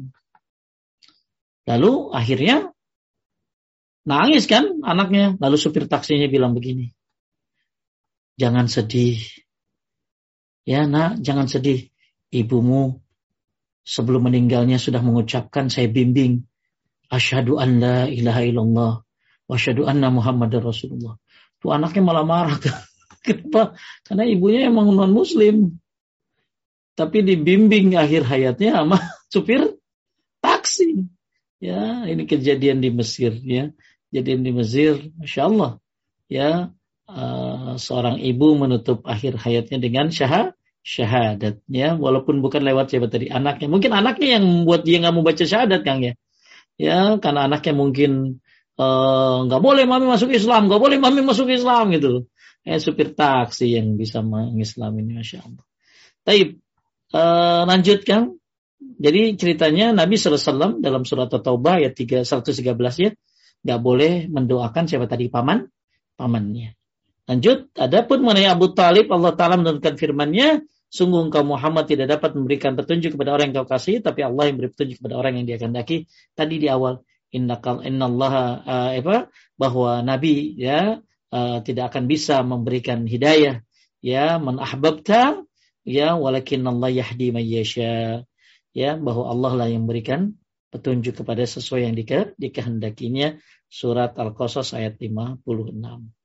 Syarah lanjutkan. Nabi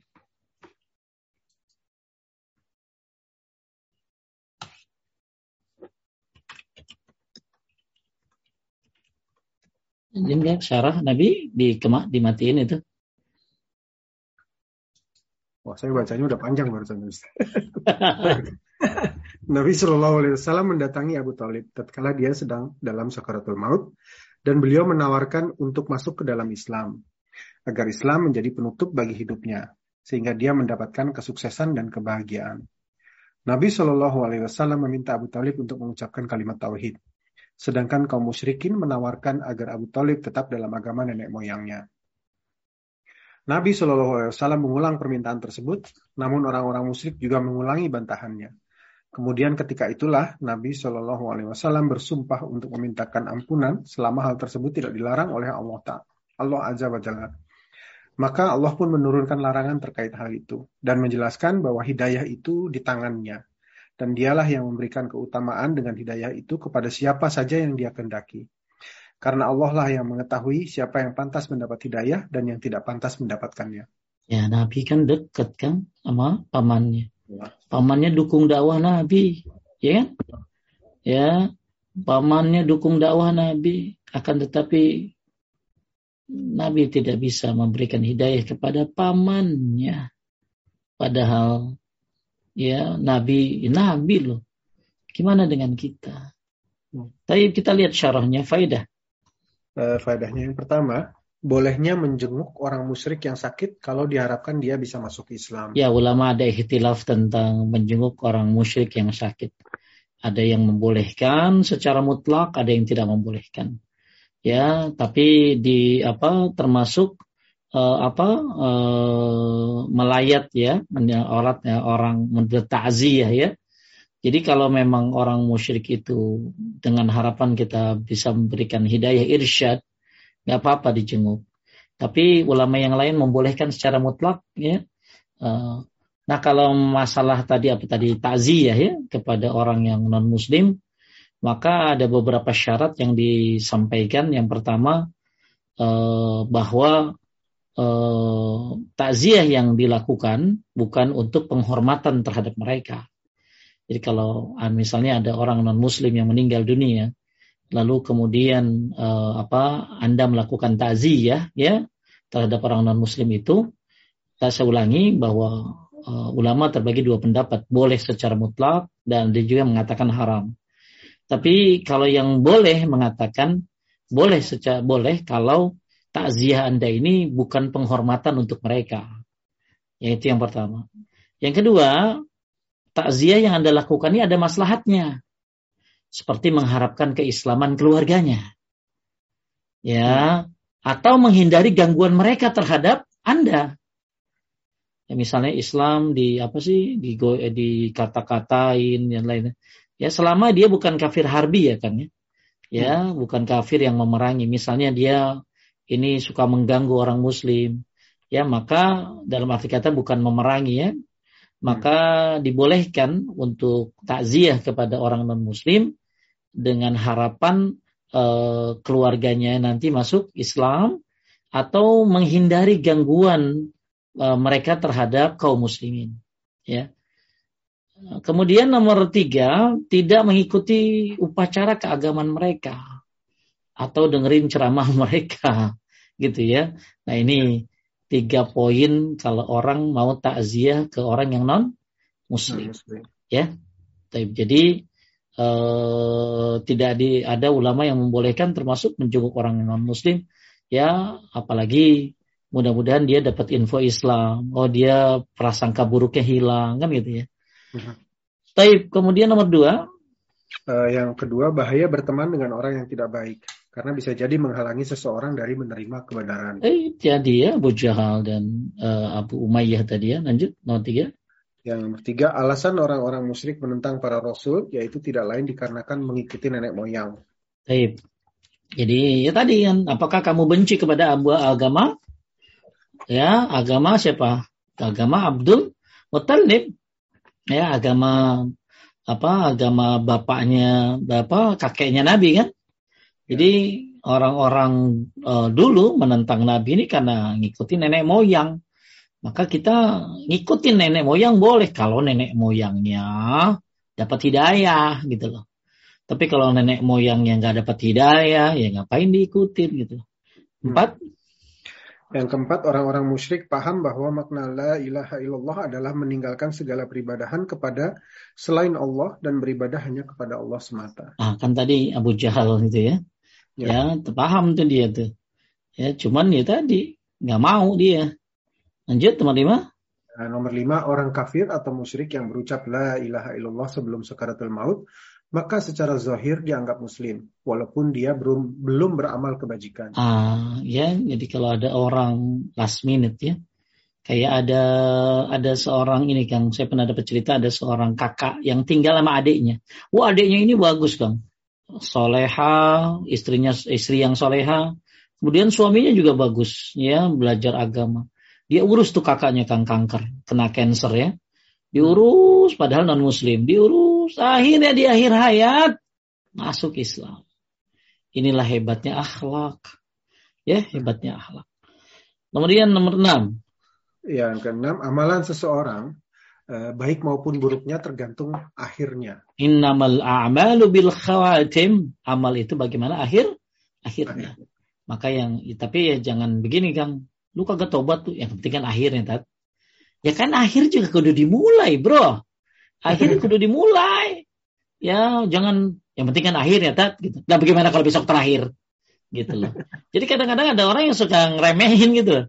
Ya, Betul. kan yang penting akhirnya. Ya, mumpung masih inilah. Nah, gimana kalau besok terakhir lo? Ya, dan akhir juga harus dimulai dari dari, dari lebih awal kan. Jadi ya. Jadi barang siapa yang dulunya bejat, hancur, mungkin syirik, mungkin sering kedukun, mungkin apalah banyak yang dilakukan. Gak masalah. Yang penting Anda bertobat, belajar tauhid yang benar, ikuti sunnah Nabi, ya banyak lakukan kebaikan, akhir yang baik bisa Anda dapatkan. Ya, terus berdoa. Jadi kadang-kadang kan orang suka melihat masa lalu, bahwa lu masa lalu aja begitu loh. Jangan, jangan. Ya bisa jadi akhir hayat dia lebih baik daripada dirimu. Betul. Ya, maka jangan sombong ketika ketika kau Men, uh, misalnya ya kayak saya gitu. Jangan sombong. Ya, bukan karena ilmumu, bukan karena pintermu, karena kasih sayang Allah buat kamu. Allah kasih rahmat, hidayah buat kamu. Maka jangan pernah mengecilkan, jangan pernah sombong kepada orang yang belum dapat hidayah. Bisa jadi besok dia dapat, bisa jadi minggu depan, bisa jadi tahun depan, bisa jadi sebelum akhir hayatnya dia dapat hidayah. Ya, nah, maka innamal a'malu bil khawatim amal itu bagaimana akhirnya. Ya, jadi yang merasa bejat-bejat nggak usah takut. Ya, terus bertobat, jangan ulangi lagi dosa-dosamu. Ya, kemudian banyak uh, belajar tauhid karena tauhid menghapuskan dosa ya perdalam tauhid, ya ikuti sunnah, berbuat baik yang banyak, mudah-mudahan dimudahkan kau untuk mendapatkan akhir yang baik. Lanjut. Uh, haram memintakan ampunan bagi orang-orang musyrik. Haram pula menjadikan mereka sebagai teman setia dan haram mencintai mereka. Ya, jadi nggak boleh mintakan ampunan orang musyrik yang sudah meninggal ya Kang ya. Ya, hmm. tapi kalau masih hidup bukan mintain ampun kalau masih hidup mah mintain hidayah hidayah. Ya. Uh, lanjut. Ustaz boleh nggak kalau minta dan dan kaya lu banyak duit lu? Ya nggak apa-apa ya. Cuman lebih bagus doanya bukan itu. Dapat hidayah hidayah itu lebih penting gitu ya. Lanjut. Tidak boleh bergantung kepada selain Allah Azza wa Jalla demi mendatangkan manfaat. Karena Nabi Shallallahu Alaihi Wasallam saja tidak dapat memberi hadiah kepada paman yang beliau cintai. Hidayah, memberi hadiah hidayah. Ya. Kepada mana yang boleh cintai. Lanjut sembilan. Semangat dan sabar dalam berdakwah. Tuh, to the limit ya. Nabi tuh sampai finish ya. Finish nemani pamannya. Berarti dakwah buat orang tua, orang terdekat sampai finish. Ya, lanjut. Eh, bantahan terhadap anggapan bahwa Abu Talib dan Abdul Muthalib masuk Islam. Tidak, ya, karena orang orang Syiah bilang Abdul Muthalib ini masuk Islam pakai hatinya kan gitu. Ya. Okay. ya enggak ya.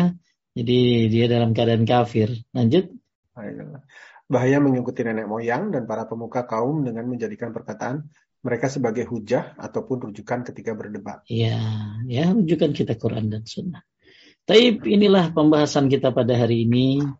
Selesai bab 18 insya Allah kita masuk ke bab 19 mungkin ada yang nanyakan ada Ustaz sebentar. Ya. Baik, ini pertanyaan bagi yang ingin bertanya langsung silahkan resen. Uh, kita nanti akan beri kesempatan. Uh, pertanyaan pertama ini Ustaz. Ustaz, uh, bolehkah kita membaca doa-doa Nabi pada waktu sujud terakhir dan sebelum salam Ustaz? Sekali lagi Bapak Ibu sekalian, jangan doa sebelum salamnya, jangan doa lagi sujud tuh di sujud terakhir doang. Jangan. Ya, doa itu setiap sujud. Ya, jadi setiap sujud akrabu ma yakunul abdu min rabbih fa sajid saat terdekat seorang hamba kepada Allah itu lagi sujud. Nabi nggak bilang sujud terakhir tapi lagi sujud. Maka perbanyak doa lagi sujud. Bukan sujud terakhir, setiap sujud berdoa kepada Allah. Ya, kemudian sebelum salam ya. Jadi yang lama itu bukan sujud terakhir tapi sebelum salam gitu. Jadi kalau sujud mah harusnya sama antara sujud pertama, kedua, ketiga itu seimbang gitu loh. Hmm. Jadi antara ruku, sujud, tidak, duduk antara dua sujud itu bagus selamanya seimbang gitu. Lamanya seimbang. Jadi ini jadi dalil itu riwayatkan oleh Muslim kalau Nabi itu sholatnya seimbang kecuali lagi berdiri dan tahiyatnya. Jadi ini jadi bantahan kata Syekh Utsaimin orang yang suka sujud terakhir lama gitu loh. Ya bahkan imam udah bangun dia masih sujud baik terus ya. Jadi doalah sujud setiap sujud ya doanya setiap sujud bukan sujud terakhir. Kemudian sebelum salam bagus doa. Ya hafalin doanya ada 13 doa sebelum salam itu. Lanjut. Ya, uh, Mbak, Tati, Mbak Tati silakan Mbak Tati di unmute. Assalamualaikum, Ustaz Agus. Nah, Waalaikumsalam. Uh, how are you? Apa kabar? I'm fine ya, yeah. how are you?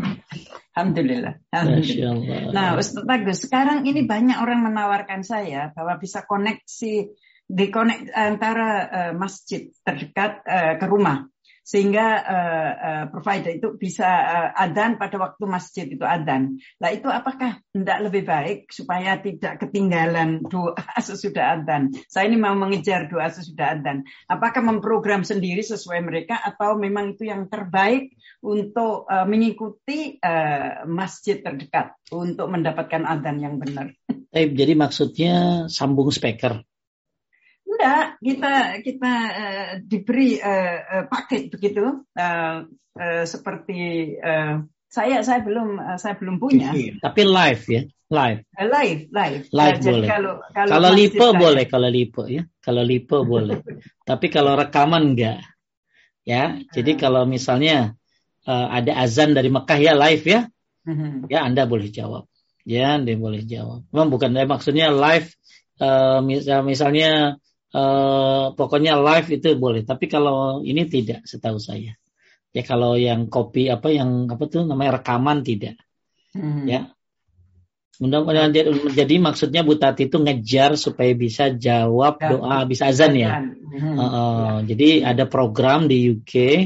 Jadi untuk azan itu ya di masjid uh, masjid, di masjid kita beli ya di masjid streaming gitu ya tidak uh, tahu apa yang dia katakan itu, tapi uh, uh, eh, kita bisa, kita bisa begitu. Jadi kalau masjid saya yang dekat saya ini adan, saya hmm. bisa otomatis tempat saya itu adan gitu. Uh, uh. Tapi live ya, yang penting live ya, yang penting live itu bisa dijawab insya Allah. Okay. Bahkan Jadi, ada orang bertanya mas orang, Syekh, gimana kalau azan tempat saya bersaut-sautan kan banyak di Indonesia tuh ya hmm. kanan kiri pada azan ya, banyak masjid. Ya. Apakah saya jawab semuanya? Kalau memang bisa dijawab semuanya gitu. ya jawab hmm. semuanya. Tapi kalau nggak nggak bisa ya jawab satu yang dekat dengan rumahmu. Ya. Ya, taib. Wah iya, mudah-mudahan dapat apa? Dapat banyak hmm. pahala dari Amin. mendengar azan insya Allah. Lanjut. Baik, saya lanjutkan share screen. Eh, pertanyaan berikutnya agak panjang. Assalamualaikum warahmatullahi wabarakatuh, Ustaz. Mohon izin bertanya, ada kerabat saya memeluk agama Katolik selama empat bulan sakit. Dua minggu sebelum meninggal, eh, beliau mendapat hidayah meminta untuk syahadat. Mohon penjelasan Ustaz, kalau selama dua minggu setelah memeluk agama Islam, beliau belum sempat beribadah karena sakit, apakah sudah masuk golongan yang beriman Pak Ustaz? Baik, ya masalahnya gini ya ketika dia sakit itu, ya ketika dia sakit itu ada yang bimbing ibadah enggak? Hmm. Ya kan, jadi harusnya ketika dia minta disyahadatkan kita syahadatkan. Nah, setelah dia baca syahadat, dibimbing dong. Dibimbingnya adalah masalah apa tadi? Sholat, gitulah. Ya, sholat. Jadi uh, beda ya Kang ya, kalau ada orang baru masuk Islam, terus mati gitu loh. Beda itu hmm. sama orang yang masuk Islam terus masih hidup dua minggu lagi paham gak kan? Ya. Ya, jadi eh, ketika dia baru masuk Islam terus mati, yaitu dia belum bisa ber, belum bisa sholat kan, ya. Betul. Tapi masalahnya ketika dua minggu itu dia punya waktu, maka ada yang ngajarin sholat enggak itu dia. Hmm. Ya, uh, kalau memang dia dulu pernah Islam kan nih Kang tadi pertanyaannya. Eh, belum pernah Islam. Oh, belum pernah ya. Kalau dia memang nggak ngerti tentang Islam, tapi dia tahu baca syahadat, nggak ada yang ngajarin sholat, nggak tahu gimana, ya insya Allah uh, dia termasuk orang yang nggak ngerti ya, ya hmm. nggak hmm. ngerti, nggak paham. Nah, makanya bagus sih setelah dia dua minggu itu diajarin sholat, ya bacanya kan kalau nggak bisa fatihah ya cukup gerakannya baca subhanallah alhamdulillah wala ilaha illallah wallahu akbar. Pakai contekan ya. Atau apa biar dia bisa terus sujudnya baca itu aja udah. Ya. Nah itu orang yang baru masuk Islam ya di, diharuskan sholat ya diharuskan sholat. Ya. Jadi kalau dia meninggal kemudian gak ada yang ngajarin gak ada yang ngasih tahu maka ya insya Allah termasuk Islam dimaafkan karena ketidaktahuannya. Ya. Tapi lanjut Uh, ini berikutnya Ustaz, Bismillah. Ustaz, sejauh mana kewajiban kita mengajak keluarga, adik, kakak, sepupu, atau keponakan untuk menjalankan kewajiban beragama? Apakah harus terus-menerus kita ajak sampai mereka berubah, walaupun mungkin jadinya berargumen dan berantem? Apakah boleh hanya mengajak tiga kali mengingat mereka keluarga? Taib, sebenarnya kita ngajak keluarga itu kan Allah berfirman wa anzir ashiratikal akrabin. Peringatilah keluarga yang terdekat. Nah, ngingetin itu kan gak harus ngasih tahu itu kan gak harus ngomong kan. Ngomong mungkin sekali, dua kali udah, tiga kali udah. Ya, selanjutnya kita doain terus kita contohin deh. Ya, di depan di mungkin ya misalnya. Uh, jadi intinya kalau uh, sebelum saya bahas ke situ, uh, intinya dakwah sama keluarga mah ya apakah Anda tega kalau dia masuk neraka itu aja. Hmm. Ya, apakah Anda cukupkan hanya tiga kali? Sedangkan Nabi sampai limit tadi sampai sampai hmm. akhir hayatnya pamannya hmm. ditemanin gitu loh. Jadi kalau bisa nggak pakai tiga kali, ya kalau bisa terus ada waktu. Yang penting itu kang bukan cara ngasih ta bukan ngasih taunya. Cara ngasih taunya ini yang banyak yang jadi masalah. Yeah. iya ya jadi yang banyak salah tuh cara ngasih taunya gitu.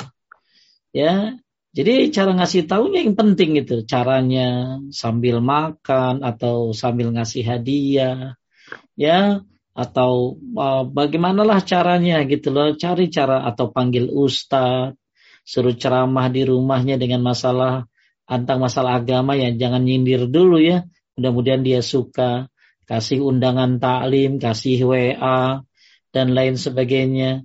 Pokoknya jangan tiga kali sampai finish, sampai finish. Apalagi itu orang tuamu, apa itu adik kakakmu, sampai finish, sampai akhir.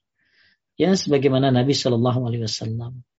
Jadi nggak ada tiga kali tapi sampai finish. Itu hmm. tinggal caranya aja, caranya yang baik. Bisa dengan cara ngasih buku. Ya oke okay, minggu ini bulan ini gagal, coba lagi. Ya banyak kan orang tuh kan maunya ngasih tahu doang gitu loh. Caranya ya. salah, akhirnya debat yang ada. Ya, jadi caranya ya indah gitu loh. Coba gaul dikit tuh caranya teh gitu loh. Ya, begaul dikit tuh caranya. Ya, Caranya dengan tadi ya Anda berbuat baik sama dia. Apalagi Anda pinjemin duit sama dia itu. Oh, kalau dia punya utang, tunduk tuh kan. Iya, bisa diatur tuh. Ya, jadi ya banyak cara ya, banyak cara untuk hmm. menyampaikan itu. Yang penting sampai finish ya. Insya Allah. Tinggal nggak bisa bulan ini, bulan depan. Terus usaha sebisanya dan terus berdoa. Karena kita hanya bisa menerangkan saja. Tidak memaksa. Ya hmm. caranya yang indah ya. Dirubah caranya. Lanjut. Uh, berikutnya. Uh, Ustadz dulu ayah saya murtad untuk menikah dengan seorang Katolik dan bercerai dengan ibu saya. Sejak itu saya jauh dengan beliau hingga beliau wafat. Apakah saya berdosa karena tidak rajin menjalankan silaturahim dengan baik dengan baik dengan ayah Iyalah, Anda nih kasihan banget ayahnya. Ya, kenapa nggak di kenapa nggak dijalin? Siapa tahu ayahmu dapat hidayah. Ya, karena inilah Kang, banyak orang ketika masuk Islam tuh lupa bakti sama orang tua. Sehingga mereka menganggap udahlah nggak ada nggak udah beda kita jalannya. Hak orang tua tetap ada walaupun dia kafir baktimu tetap ada walaupun dia orang kafir. Maka justru kau harus lebih baik setelah masuk Islam. Ya, lain lagi kalau bapaknya berbahaya terhadap agamanya. Bapaknya suka ngasih syubhat, bapaknya suka neror-neror supaya dia balik lagi ke agama yang dulu. Nah ini lain lagi tentunya. Tapi selama ayahmu orang yang baik, orang yang tidak memaksakan dirimu, dekati dia, sambung ya sambung apa uh, connecting dengan dia, bicara dengan dia. Ya, mudah-mudahan ya karena kebaikanmu. Justru tadi karena kebaikanmu, karena perhatianmu. Kan tadi saya udah cerita tuh. Bagaimana ada seorang adik ngurus kakaknya yang non muslim. Kemudian di akhir hayatnya sebelum mati tuh kakak masuk Islam lewat adiknya. Ya, oleh karena itu begitu juga dengan bapak bapakmu harusnya ditemani. Ya sampai di akhir hayatnya tawarkan ayah. Tadi saya udah cerita ada seorang ibu yang yang non muslim kemudian ditemani oleh anaknya diurus sampai akhirnya anaknya membimbingnya untuk masuk Islam. Jadi orang itu akan senang dengan kebaikan. Ya, maka hmm. gimana orang tua mau baik sama mau mau ngikutin kita kalau kitanya jelek sama dia. Gitu. Jadi sekarang jadi pelajaran saja, ya. Ya Allah, ya sudah nggak bisa apa-apa lagi karena meninggal kan. Ya, mudah-mudahan ini jadi pelajaran buat Anda dan buat semuanya. Baik, lanjut. Uh, berikutnya. Bismillah. Assalamualaikum. Izin bertanya Ustaz. Uh, doa apa yang bisa saya bacakan untuk ibu saya yang masih non-muslim? Uh, apa tidak boleh berdoa supaya diberikan keselamatan rezeki? Apa saya salah doakan seperti itu Ustaz? Syukur. Baik, ya. Uh, Bapak Ibu sekalian yang dimuliakan Allah, doa yang paling bagus adalah Allah Mahdi. Allah Mahdi sebutin namanya. Udah itu aja. Ya, jadi waktu itu ibunya Abu Hurairah dan masih non muslim. Hmm. Si kafir.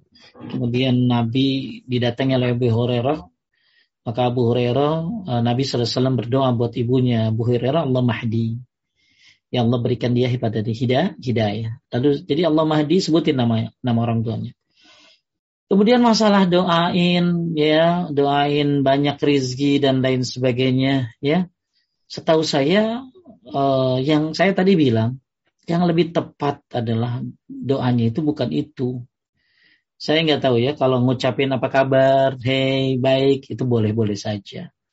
Tapi kalau mendoakan dia banyak rizki, terus akhirnya rizkinya dia pakai buat keagamaan ini jadi salah juga kan kan? Ya, jadi saya sarankan lebih baik doanya bukan itu gitu loh. Tapi apa artinya banyak rizki kalau dia nggak dapat hidayah? Apa artinya? Ya mobil pintu dua, pintu satu sampai nggak ada pintunya, dia punya. Tapi ternyata dia dia dia kafir buat apa gitu loh. Jadi ya lebih baik doanya adalah berikan dia hidayah ya Allah gitu. Lanjut.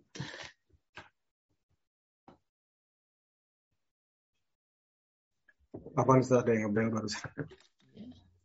Nah, ini pertanyaan eh, di luar topik Ustaz. Eh, Assalamualaikum Ustaz, saya sudah menjalankan puasa sunnah Daud. Apakah nanti diperbolehkan puasa Arafah? Bagusnya begini ya. Mungkin ya uh, bisa ditanyakan kepada ustadz yang lain. Puasa Nabi Daud itu kan memang puasa terbaik. Tapi puasa Arafah juga adalah puasa yang khusus gitu loh. Jadi saran saya begitu nanti Julhijjah ya Julhijjah Anda nggak puasa Nabi Daud, Anda langsung puasa 9 hari. Ya ya. Jadi begitu Julhijjah masuk, Anda puasa tanggal 1, 2, 3, 4, 5, sampai tanggal 9. Selanjutnya kan hari Aid nggak boleh, Tashrik nggak boleh kan. Anda mulai lagi tuh puasa Daudnya di tanggal 14. 14. Ya, itu saya sarankan begitu aja. Ya, lanjut. Baik, eh, udah habis nih Ustaz pertanyaan-pertanyaan. Ya. Iya, saya juga asam lambungnya udah naik ini. Udah naik. Aper ya. Baik. Bapak Ibu sekalian dimuliakan Allah, makasih buat Kang Rashid dan tim semuanya. Mudah-mudahan kita semuanya bisa akhir hayat ditutup dengan La ilaha illallah. Semoga kita bisa menemani orang tua kita sampai La ilaha illallah. Semoga kita dimudahkan memberikan hidayah ke irsyad kepada orang-orang terdekat kita Ya, kita hanya berusaha dan berdoa. Hidayah taufik hanya milik Allah Subhanahu wa taala. Allah mahtim lana min khasyatika ma tahulu bihi bainana wa baina ma'asik min ta'atika ma tuballighuna bihi jannataka min al-yakin ma tuhawinu alaina masa'ib ad-dunya. اللهم متعنا بأسمائنا وأبصارنا وقوتنا وأحيتنا واجعل الوارث منا واجعل صرنا على من ظلمنا وانصرنا على من عادانا ولا تجعل مصيبتنا في ديننا ولا تجعل الدنيا أكبر همنا ولا مبلغ علمنا ولا تسلط علينا من لا يرحمنا Subhanaka Allahumma bihamdika asyhadu an la ilaha illa anta astaghfiruka wa atubu ilaik. Assalamualaikum warahmatullahi wabarakatuh. Waalaikumsalam warahmatullahi wabarakatuh. Jazakallah khair Ustaz eh, atas ilmu dan waktunya. Eh, insyaallah kita akan bertemu kembali.